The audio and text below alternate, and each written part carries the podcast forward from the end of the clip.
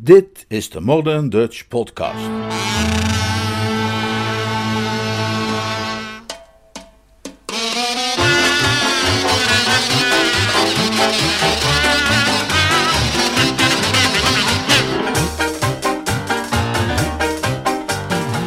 Geluk in de morgen. Een splinternieuwe vertaling van Joy in the Morning. Een Jeeves-roman van P.G. Woodhouse. Vertaald en voorgelezen door Leonard Beuger.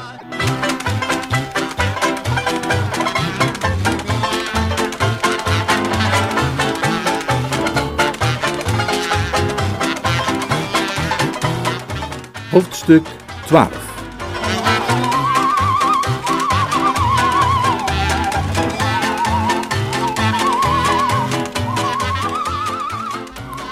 Lenig en gracieus stapte ze af en bood me een stralende glimlach ter verwelkoming. Sinds ik haar voor het laatst had gezien, had ze het stof van de reis weggewassen en zich keurig netjes verkleed. Ze zag er fris en monter uit. Waarom ze de moeite had genomen zich op te doffen terwijl ze alleen maar op bezoek ging bij een figuur in een opgelapte grijze vlodderbroek en een kooltrui, begreep ik niet goed. Maar meisjes blijven nu eenmaal meisjes. Hallo Bertie, zei ze. Kom je op burenbezoek bij Boko? Ik antwoordde dat het daar wel zo ongeveer op neerkwam, maar voegde eraan toe dat ik eerst even enkele ogenblikken van haar kostbare tijd wilde gebruiken. Luister, Nobby, zei ik. Dat deed ze natuurlijk niet. Ik heb nog nooit een meisje ontmoet dat dat wel deed. Zeg, luister eens tegen welk lid van het gevoelvol grootgebracht geslacht dan ook, en ze vat het op als een uitnodiging om zelf te gaan praten omdat echter het onderwerp waar ze over begon nu net het onderwerp bleek te zijn dat ik zelf van plan was aan te snijden, was de wens om haar de hersens in te slaan met een baksteen niet zo uitgesproken als die anders geweest zou zijn. Wat heb jij gedaan om Stilton zo op stang te jagen, Bertie? Ik kwam hem daarna tegen en ik vroeg of hij jou misschien had gezien, maar hij werd knetterrood en knarste met alle tanden die hij heeft. Ik geloof niet dat ik ooit zo'n rood gloeiende smeris heb gezien. En hij gaf geen verklaring. Nee, hij trapte gewoon woedend door, alsof hij meedeed aan de zesdaagse en zich net had gerealiseerd dat hij begon achter te raken bij de kopploeg. Wat is er aan de hand? Ik tikte haar met een ernstige wijsvinger op de arm. Nobby, zei ik, er is sprake van een zekere verwarring. Uh, wat is dat woord dat begint met ko? Ko? Ik heb het Jeeves wel eens horen gebruiken. Uh, het is ook met ergens twee puntjes. Waar, waar leuter je in hemelsnaam over? Uh, coïncidentie, zei ik, terwijl het me weer te binnen schoot. Door een ongelukkige coïncidentie van omstandigheden heeft Stilte een achterdocht tegen mij opgevat. Het idee heeft in zijn harsens wortel geschoten dat ik hierheen ben gekomen om te proberen Florence van hem af te pakken. En is dat ook zo? Mijn lieve kleine druiloor, zei ik met enig ongeduld, zou wie dan ook Florence willen afpakken? Gebruik toch je verstand. Maar zoals ik al zei, door die ongelukkige coïncidentie van omstandigheden is hij het ergste gaan vermoeden. En in een paar simpele woorden gaf ik haar een korte samenvatting van het voorafgaande. Speciaal voor wat betreft het jonge Lonkimvar-aspect van de zaak. Toen ik was uitgesproken, maakte ze zo'n typische onnozele opmerking, die een mens er telkens weer van overtuigt dat vrouwen als seksen toch eigenlijk sterk zouden moeten worden beteugeld. Je had tegen hem moeten zeggen dat je onschuldig was aan de aanklacht. Ik tutte ongeduldig. Ja, natuurlijk heb ik hem gezegd dat ik onschuldig was aan die aanklacht, maar mooi dat hij dat niet geloofde. Hij werd alleen maar ziedender en vertoonde uiteindelijk zoveel van de acht kookverschijnselen dat het me verbaasde dat hij me niet ter plekke inrekende. Trouwens, je had me wel eens mogen vertellen dat hij tegenwoordig een politieagent is. Oh, dat was ik vergeten. Het zou me een akelige schok hebben bespaard. Toen ik iemand mijn naam hoorde roepen en omkeek en hem zag aankomen fietsen in volledige veldwachtersuitrusting, kreeg ik bijna de stuipen. Ze lachte. Een solovoorstelling. Mij gaf de situatie geen enkele lust er een duet van te maken.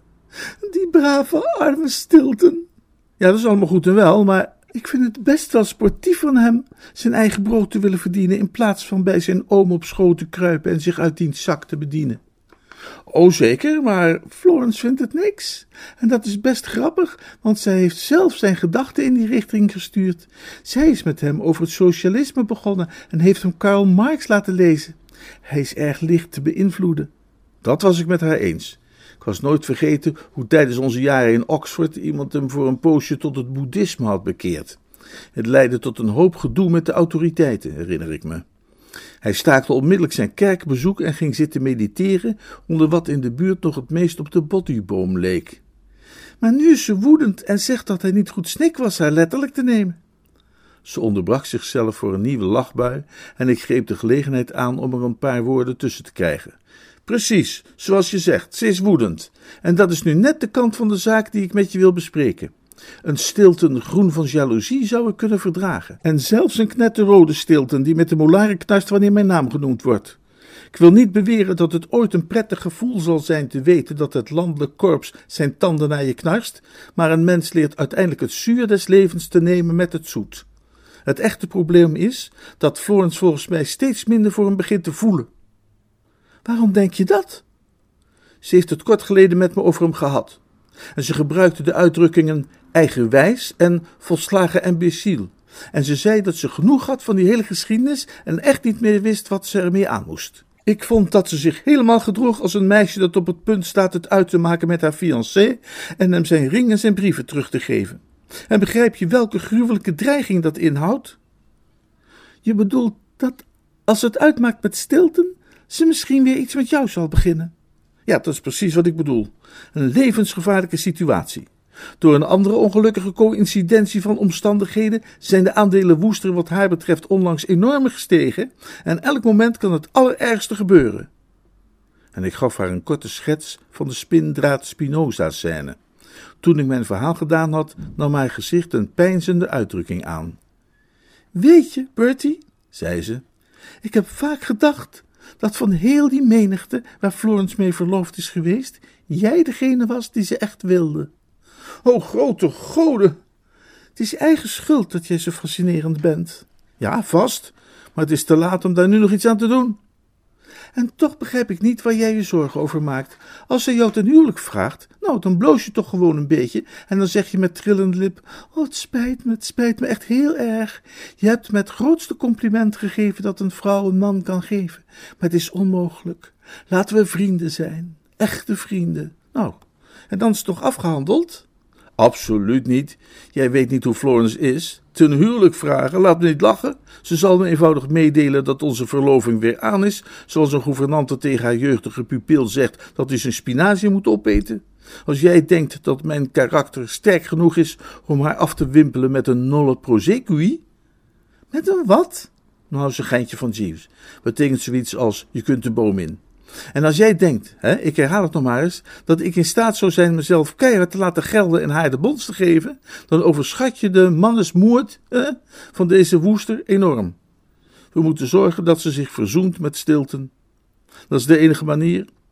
Luister, Nobby. Ik heb je gisteren een brief geschreven waarin ik mijn mening gaf over Florence en je aanspoorde alle mogelijke middelen aan te wenden om Stiltons ogen te openen voor wat hem te wachten stond. Heb je die gelezen? Woord voor woord. En ik vond hem enorm boeiend. Ik wist niet dat jij zo'n levendige proza-stijl had. Die deed me denken aan Ernest Hemingway. Jij schrijft toch niet toevallig onder de naam Ernest Hemingway?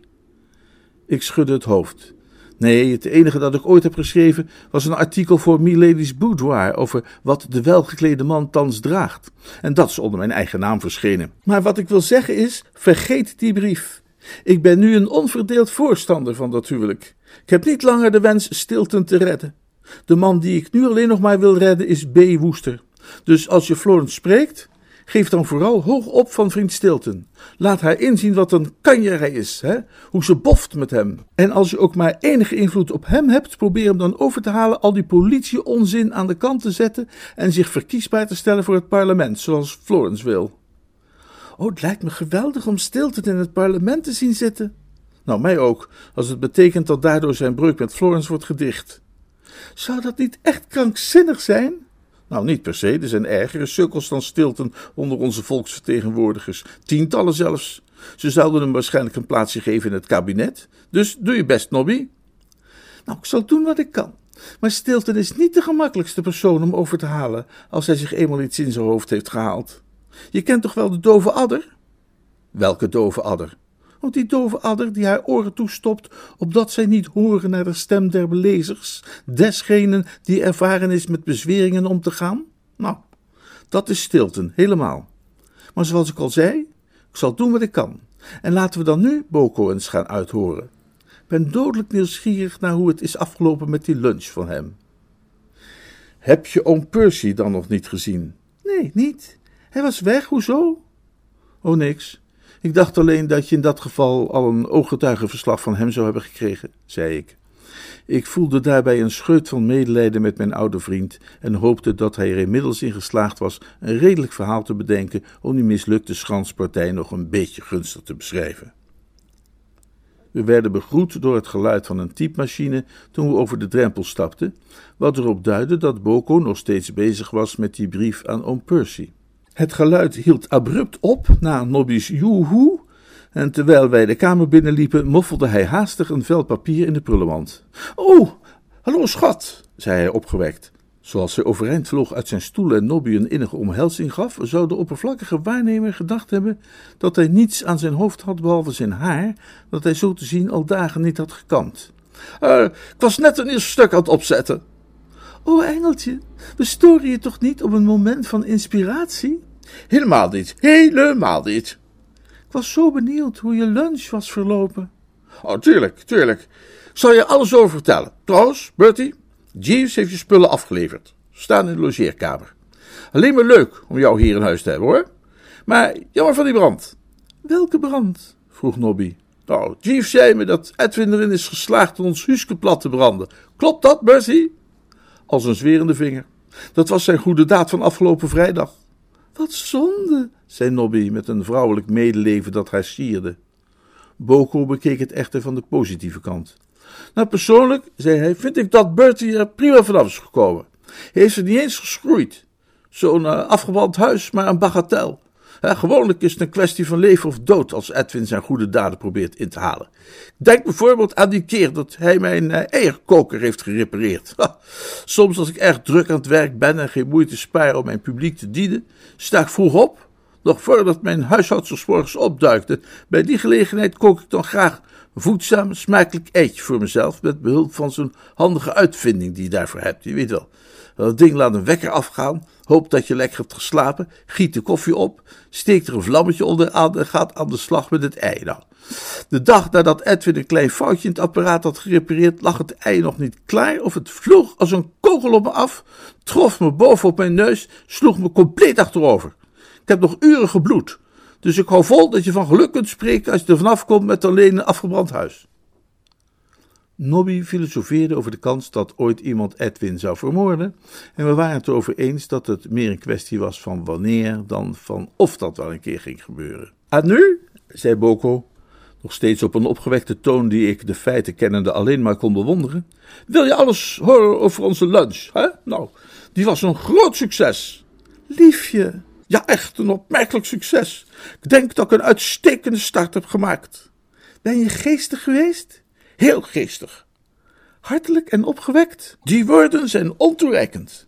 Mijn engel, zei Nobby en kuste hem ongeveer vijftien keer snel achter elkaar. Ja, zei Boko, geloof wel dat ik hem behoorlijk om mijn vinger heb weten te winden. Het is moeilijk te zeggen bij zo'n man die zijn emoties verbergt achter een pokerface, maar ik geloof toch dat hij wat toegeeflijker begint te worden. En we hadden nooit verwacht dat hij mij meteen om mijn nek zou vallen, toch? Afgesproken was dat de lunch alleen bedoeld was om een beetje eh, de weg te baden. Waar hebben jullie het over gehad? Oh, over van alles. Het onderwerp spinnen kwam onder meer te sprake, weet ik nog. Spinnen? Ja, hij leek geïnteresseerd in spinnen. Dat heb ik nooit geweten. Ach, gewoon een kant van zijn karakter die hij nooit heeft getoond, denk ik. Hè? Ja, en dat we het zo over dit en dat hadden gehad, hebben we natuurlijk nog over eh, dat en dit uh, gesproken. Er vielen geen ongemakkelijke stiltes? Heb ik niets van gewerkt. Nee, hij babbelde lekker door, vooral aan het eind van het gesprek. Heb je hem verteld hoeveel geld je verdient? Oh ja, daar heb ik het over gehad. Ik hoop dat je hebt uitgelegd dat je een betrouwbare jonge kerel bent en dat je inkomsten stabiel zullen blijven. Dat is wat hem zorgen baart. Hij denkt dat je huidige succes elk moment in rook kan opgaan. Zoals ons Huske. ja, weet je, Toen hij nog een jonge man was en net begon in de scheepvaart, behoorde oom Percy in Londen tot een vriendenkring met een nogal ongeregelde levensstijl. Daar waren veel schrijvers bij die soms aardig wat verdienden, maar dat dan allemaal in een paar dagen weer uitgaven en dan weer moesten leven van wat ze konden lenen. Mijn lieve vader was er daar één van. Dat was nieuws voor mij. Ik had me om Percy nooit voorgesteld als een figuur die als jonge man in kringen van bohemiens had verkeerd. Sterker nog, ik had me hem überhaupt nooit voorgesteld als iemand die ooit jong was geweest. Zo gaat het ook altijd. Als zo'n oude knakker een borstelige snor heeft, een degelijke goedlopende zaak en de manieren van een beer die gestoord wordt tijdens zijn winterslaap, denk je niet verder na over zijn verleden en vraag je je niet af of hij in zijn tijd misschien niet ook een van de jongens van de gestampte pot was geweest. Ah, dat punt heb ik nadrukkelijk aan de orde gesteld, zei Boko. Dat is een van de eerste dingen waar ik over ben begonnen. De moderne auteur, heb ik tegen hem gezegd, hè, is een realist en weet wat hij wil. Hij heeft zijn prijs en wat er vervolgens binnenkomt wordt veilig belegd. Nou, dat moet hem genoeg hebben gedaan. Oh ja, zeker. Dan is dus alles in orde. Helemaal goed. Het enige wat er nu nog moet gebeuren, is dat Bertie zijn bijdrage levert. Precies. De toekomst hangt af van Bertie. Als hij nou nog een goed woordje doet. Ach, nee, dat is helemaal niet wat ik bedoelde. Ik vrees dat je niet op de hoogte bent van de razendsnelle ontwikkelingen die inmiddels hebben plaatsgevonden. Ik betwijfel of het zin heeft als Bertie nu nog zou proberen een goed woordje te doen. Zijn reputatie is volledig naar de Filistijnen. Filistijnen? Ja, Filistijnen is denk ik wel het mot juste, niet, Bertie? Ik moest toegeven dat dit inderdaad min of meer het geval was. Uh, nou, om Percy, legde ik uit, heeft het in zijn hoofd gekregen dat ik Edwin heb geholpen en aangemoedigd bij zijn pyrotechnische experimenten. Dat heeft mij als leverancier van goede woordjes nogal op afstand gezet. Ik zou het nu heel moeilijk vinden om hem te bespelen als een welgestemd instrument. Maar wat moeten we dan nu? vroeg Nobby met een angstig gezichtje. Boko klopte haar bemoedigend op de schouder. Dat komt goed, maak je geen zorgen.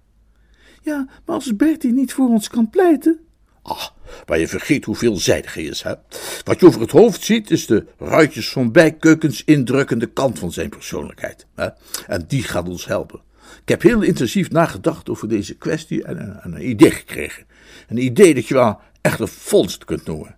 Stel, zei ik tegen mezelf, dat ik persoonlijk zou kunnen verhinderen dat het huis van die oude boef werd geplunderd door een middernachtelijke inbreker. Nou, dan zou hij er volgens mij toch wel van overtuigd raken dat ik iemand was waarop je kunt bouwen. Verdorie zeg, zou je zeggen. Dat is nog eens een kerel, die Fittleworth. Denk je ook niet? Wellicht. Oh, je klinkt een beetje twijfelachtig. Nou ja, ik dacht alleen dat er weinig kans op was. Hè? Er is al in geen eeuwen inbraak meer geweest in Steeple. Stilton klaagde er onlangs nog over. Hij zei dat er in dit dorp weinig vooruitzicht was voor een ambitieuze jonge politieman. Ja, die dingen vallen te regelen. Hoe bedoel je? Kwestie van organiseren. Hè? Deze nacht gaat er wel degelijk een inbraak plaatsvinden in Steeple Bumpley. Gaat Bertie voor zorgen. Daar viel maar één ding op te zeggen en dat deed ik dan ook. Hè? riep ik uit. Ja, val me nou niet in de reden, Bertie, zei Boko verwijtend. Dat maakt het de mens lastig zijn gedachten op een rijtje te krijgen. Hier is mijn plan in notendop. Ergens in de kleine uurtjes gaat Bertie en ik naar de hall. We begeven ons naar het raam van de bijkeuken. Hij slaat het in en ik sla alarm. En hij gaat er vandoor. Aha, zei ik. Dit was het eerste punt dat hij noemde waar ik mee kon instemmen. Ah, terwijl ik blijf, om ieders lof en dankbare woorden in ontvangst te nemen. Zie niet in hoe het kan mislukken. Als er één ding is waar een stugge huiseigenaar van type Worpels er niet van houdt, is dat er wordt ingebroken in een huis waarvan hij de eigenaar is. En iedereen die een poging daartoe in de kiem weet te smoren, krijgt een plekje in zijn hart. Ik verwacht dat hij voordat de avond voorbij is, heeft beloofd te zullen dansen op onze bruiloft. Oh, lieveling, dat is fantastisch. Het was Nobby die dat zei, niet ik. Ik beet nog altijd wat zichtbaar zorgelijk op mijn onderlip. Ik had moeten bedenken, hield ik mezelf voor, dat het toneelstuk van Boko, waar ik eerder op gezinspeeld had, zo'n thrillergeschiedenis was geweest, en dat het niet meer dan logisch was dat een dergelijk plannetje zou opkomen in zijn zieke geest. Ik wil maar zeggen, bij zo'n kerel wiens gedachten voortdurend in de richting gaan van nachtelijke kreten en plotseling dovende lichten en geheimzinnige handen die door de muur lijken te steken en mensen die rondrennen en dingen roepen als pas op, daar komt de schaduw, is het onvermijdelijk dat hij ook met dat soort gedoe aankomt in een werkelijk noodgeval. Ik besloot ter plekke dat ik een krachtig nolle prosecui zou laten horen. Niemand is meer geneigd om liefdesjonge droom een handje te helpen dan Bertram Woester, maar er zijn grenzen aan hoe ver hij wil gaan. En scherp gedefinieerde grenzen ook. Nobby's levendig enthousiasme was een beetje gedoofd. Net als ik beet ze op haar lip. Ja, uh, geweldig, uh, maar. Dat woordje maar hoor ik niet graag. Nou, ik wilde alleen maar zeggen, hoe ga je dat verklaren? Wat verklaren? Nou, dat jij daar was om alarm te slaan en, en lof en dankbare woorden in ontvangst te nemen. Nou, nogal wie dus. Heel stiepel Bumpley weet hoe verliefd ik op je ben. Wat is er vanzelfsprekender dan dat ik onder jouw raam zou gaan staan om daarnaar te staren? Ah, juist. En toen hoorde je een geluid? Ja, een eigenaardig geluid. Dat klonk als het breken van glas. Dus toen liep ik om het huis om te kijken wat er aan de hand was. En toen zag ik die inbreker bezig het raam van de bijkeuken in te slaan. Oh, tuurlijk. Hm, ik wist wel dat je het zou snappen. Dan hangt dus verder alles van Bertie af? Ja, alles. En je denkt niet dat hij bezwaar zal maken? Ja, dat je zulke dingen niet zei. Daar kwets je zijn gevoelens mee. Je beseft onvoldoende wat voor kerel Bertie is. Hij heeft zenuwen als hard staal. En als het erop aankomt een vriend te helpen, schrikt hij nergens voor terug. Nobby haalde diep adem. Ja, hij is geweldig, vind je ook niet? Ah, er is er geen zoals hij. Ik ben altijd erg aan Bertie gehecht geweest. Toen ik klein was, heeft hij me wel eens voor drie stuivers aan zuurtjes gegeven. Bijzonder gul. Zo zijn zulke geweldige kerels nu eenmaal. Ik heb hem steeds enorm bewonderd. Ik ook, ik ook. Ik ken geen man die ik meer bewonder. Doet hij jou ook niet sterk denken aan Sir Galahad? Nou, precies, de, die naam die lag mij op het puntje van de tong. Hij zou er natuurlijk niet over piekeren om niet zijn steentje bij te dragen. Tuurlijk niet, tuurlijk niet. Komt voor elkaar, hè, Bertie? Het is vreemd wat een paar vriendelijke woorden kunnen doen. Tot dat moment had ik, als gezegd, mijn nolle prosecui helemaal gereed en had ik zelfs mijn mond al geopend om het uit te spreken met alle mogelijke nadruk. Maar toen ik Nobby's blik zag, zo devoot op mij gericht, terwijl tegelijkertijd Boko mijn hand schudde en mijn schouder kneedde, leek iets me te weerhouden. Ik bedoel, er leek echt geen enkele manier te zijn om te gaan nolle prosequien zonder de stemming bij dit feest te bederven. Oh, natuurlijk, zei ik. Absoluut hoor. Maar ik zei het niet vrolijk. Niet met echt plezier.